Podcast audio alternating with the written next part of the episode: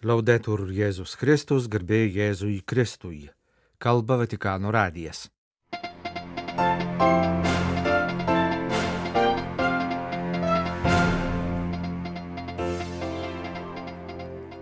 Nikaragvos režimas paleido iš kalėjimų du vyskupus ir keliolika kitų dvasininkų. Priversti palikti šalį, sekmadienį jie atvyko į Romą. Sekmadienio vakarą vienas Italijos televizijos kanalų perdavė interviu su popiežiumi. Pokalbio temos - neseniai paskelbtas dokumentas dėl palaiminimų, karai pasaulyje, planuojamos popiežiaus kelionės. Jeruzalės pranciškonų Biblijos mokykla mini savo veiklos šimto metų sukaktį. Šią progą popiežius priėmė audiencijoje pranciškonų delegaciją.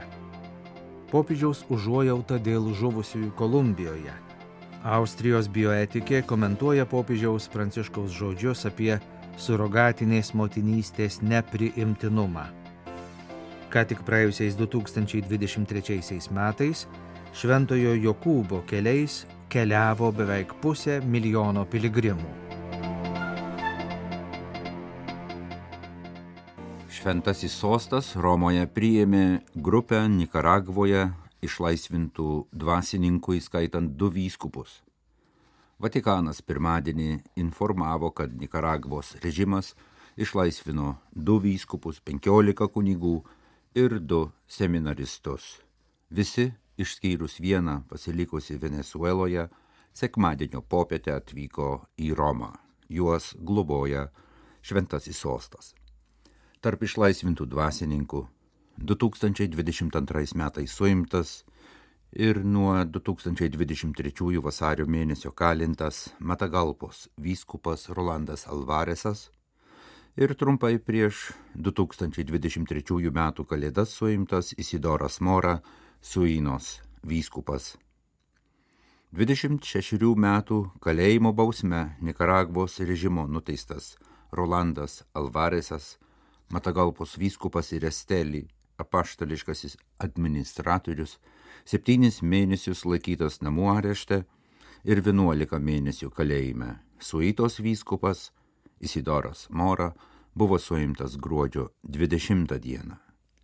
Priminsime, kad popiežius Pranciškus šių metų pradžioje kreipdamasis į vidudienio maldos dalyvius išsakė susirūpinimą dėl Nikaragvoje kalinamų viskupų, ir užtikrino maldos artumą jiems, jų artimiesiems ir visai bažnyčiai Nikaragvoje. Pakvietęs melstis už Nikaragvą, popiežius paragino visus sunkumus įveikti per pokalbius. 2023 metais Šventasis sostas priėmė kitus 12 Nikaragvos dvasininkų, režimo išlaisvintų spalio mėnesį. Jie buvo apgyvendinti Romos vyskupijos patalpose. Tų pačių metų vasario mėnesį Nikaragva deportavo kelius šimtus politinių kalinių į Junktinės Amerikos valstijas, tarp kurių buvo septyni bažnyčios darbuotojai, įskaitant tris kunigus, du seminaristus, diakoną ir pasaulietį. Iš jų atėmė pilietybę ir uždraudė sugrįžti. 2022 kovo mėnesį Nikaragvos režimas, kurį popiežius pavadino šiurkščia diktatūra, iš šalies išsiuntė apaštališką įnuncijų arkivyskupą Valdemarą Stanislavą Somertagą ir informavo Vatikaną apie su šventuoju sostu suspenduojamus diplomatinius santykius.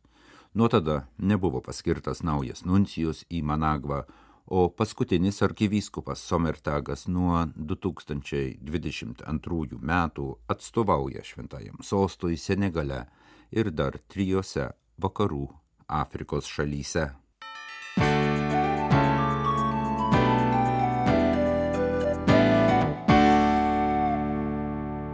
Sekmadienio vakarą vienas Italijos televizijos kanalų perdavė interviu su popiežiumi Pranciškumi.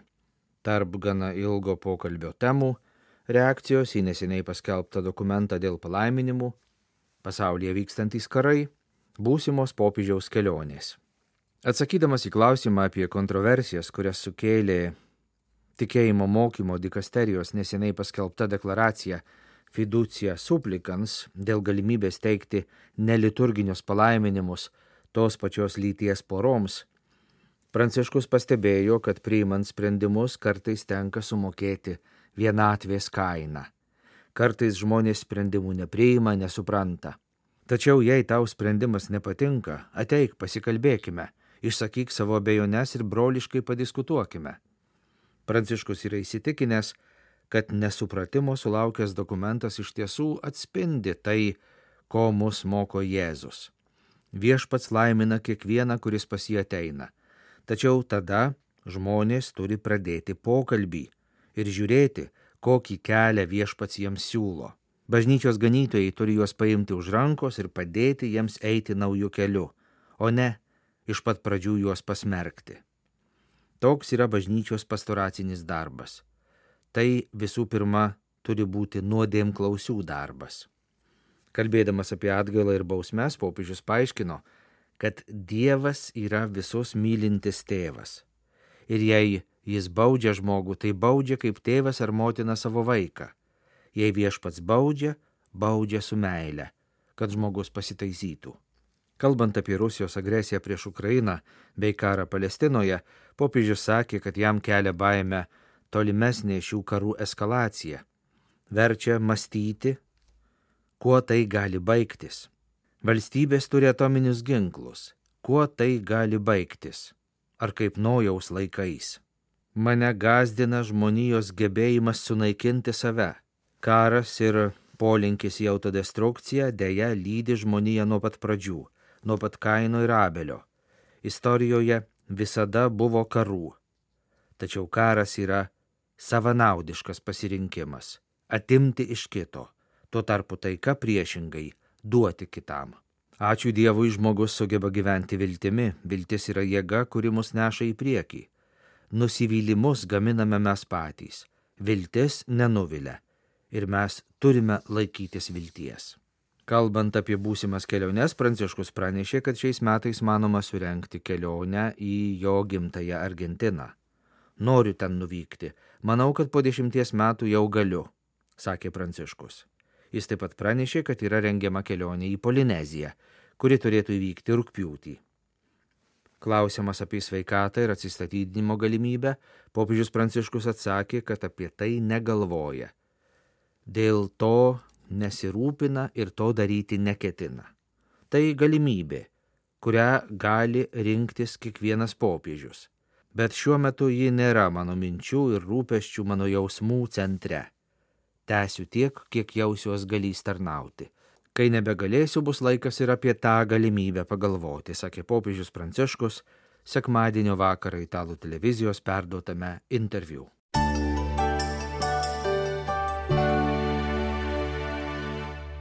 1924 m. sausio 7 d. Jeruzalėje buvo atidaryta Studium Biblicum Franciscanum. Po keliarių metų šis studijų centras buvo prijungtas prie Romos Šventojo Antano kolegijos, dabartinio popiežiškojo Šventojo Antano universiteto. Sukakties proga. Pirmadienį sausio 15 dieną popiežius audiencijoje priėmė Šventosios žemės pranciškonų delegacija.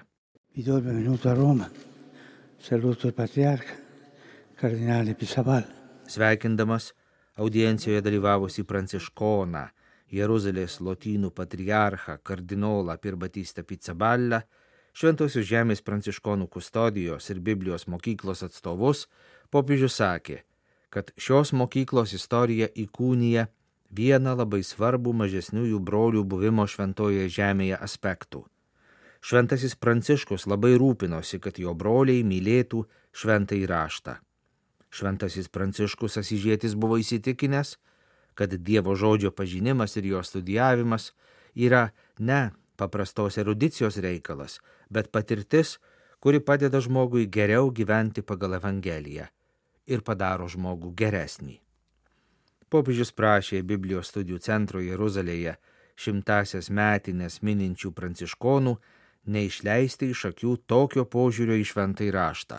Lo studio rigoroso e scientifico delle fonti bibliche, arricchito dalle... Tegul atidžios mokslinės Biblijos šaltinių studijos, praturtintos naujausiais metodais ir tarpdisciplininė prieiga, visuomet būna susijėtos su šventosios Dievo tautos gyvenimu ir nukreiptos į pastoracinę tarnystę, suderinta su specifinė pranciškonų charizma bažnyčioje.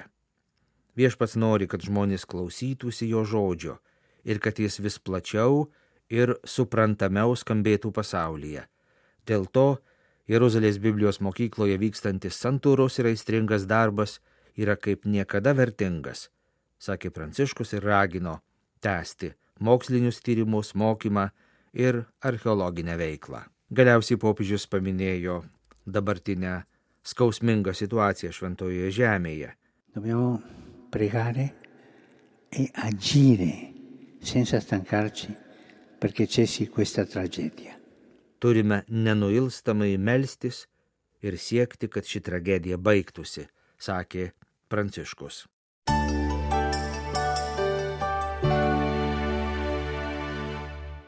Popiežius Pranciškus išreiškė gilų liūdėsi dėl nuošliaužos Čoko departamente Kolumbijos šiaurės vakaruose. Stichija nusinešė mažiausiai 33 gyvybės, tarp kurių daug vaikų. Pranciškus sekmadienį kalbėdamas vidudienio maldos susitikime prašė melstis už penktadienį kelyje tarp Medelino ir Čoko departamento sostinės Kidbo įvykusios nuošliaužos aukas. Pirmadienį popiežiaus valstybės sekretorius telegrama vyskupui Mario de Jesus Alvarez Gomesui Kidbo apaštališkajam administratoriui išreiškė Pranciškaus gilų liūdėsi.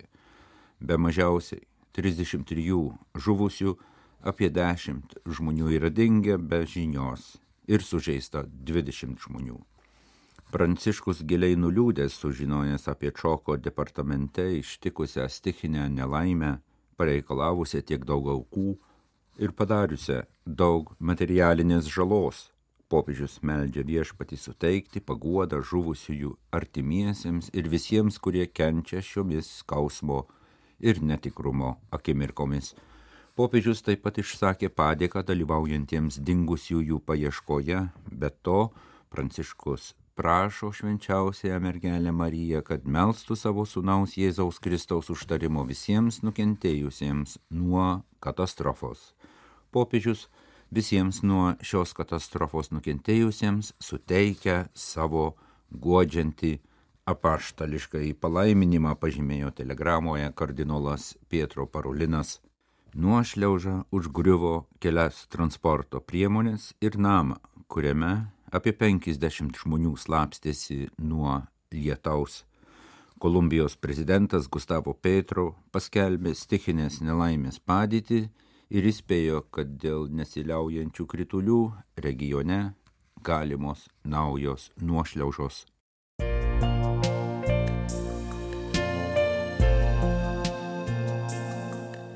Jūs klausotės Vatikano radio. Tęsėme žinių laidą lietuvių kalba.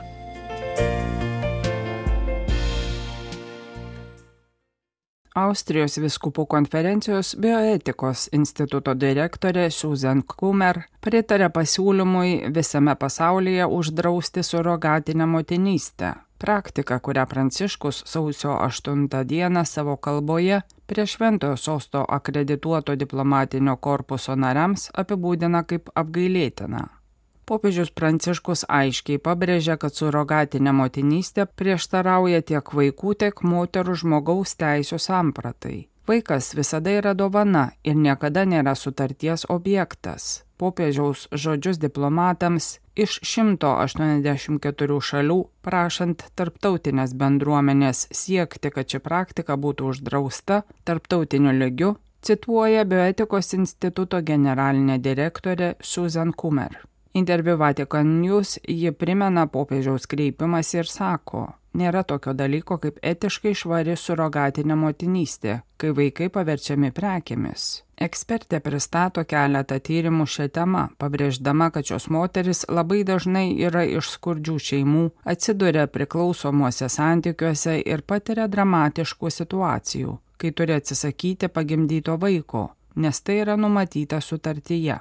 Popiežiaus kreipimąsi bioetikos ekspertė laiko kvietimu gerbti žmogaus ekologiją.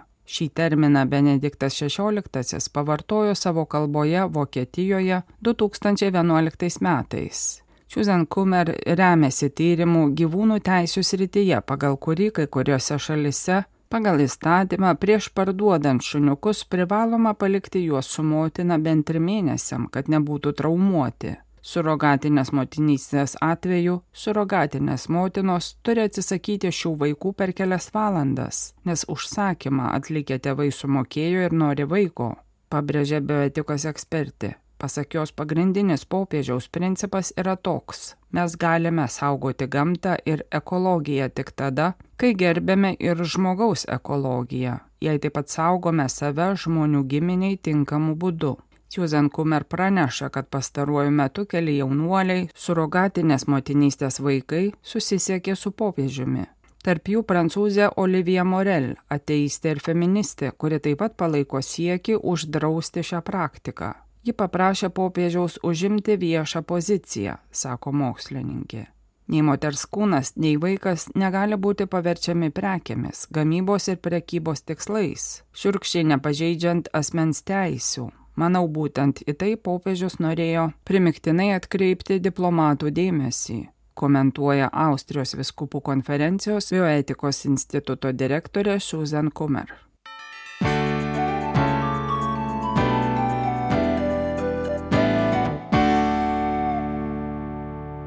2023 metais oficialiais Šventojo Jokūbo keliais vedančiais į Kompostelio Santiago katedrą Ispanijoje, kur pasak tradicijos palaidotas apaštalas Jokūbas ėjo ir kitais būdais keliavo 446 tūkstančiai žmonių. Ši statistika skelbiama Šventojo Jokūbo kelio piligrimų biuro parengtose lentelėse. Kaip žinia, Šventojo Jokūbo kelias išgarsėjo viduramžiais prieš tūkstantį metų ir šiandien yra vienas iš gausiausiai lankomų piligriminių kelių visame krikščioniškame pasaulyje ir ne tik. Daug žmonių keliauja skatinami bendresnio pobūdžio dvasinių ieškojimo. Pasak 2023 metų statistikos virš 98 tūkstančių piligrimų, ko ne Ketvirtadalis visų keliavusiųjų nurodė, jog į kelią leidosi vedami kitokių nei religinių motyvų. Moteris ir merginos sudarė šiek tiek daugiau nei pusę piligrimų. Daugiausia piligrimų buvo iš pačios Ispanijos, po to reikiuojasi Junktinės Amerikos valstijos, Italija, Vokietija, Portugalija, Prancūzija, Junktinė karalystė, Meksika, Koreja, Airija, Australija. Iš šių kraštų atvyko nuo kelių iki keliasdešimties tūkstančių piligrimų. Šventojo Jokūbo kelio piligrimų biuro duomenimis įvairiuose piligriminių kelių etapuose užsiregistravo ir 717 piligrimų iš Lietuvos. Tarp nurodžiusiųjų keliavimo būdą virš 400 tūkstančių keliavo pešiomis, virš 22 tūkstančių dviračiais, apie 600 arkliais, 276 atplaukė vandens keliais, o dar beveik 200 piligrimų pirmin ištvermingai stūmėsi neįgaliųjų vežimėliuose.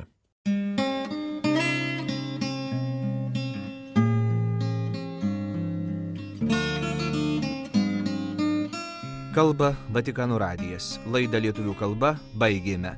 Garbėjai Jėzui Kristui, laudetur Jėzus Kristus.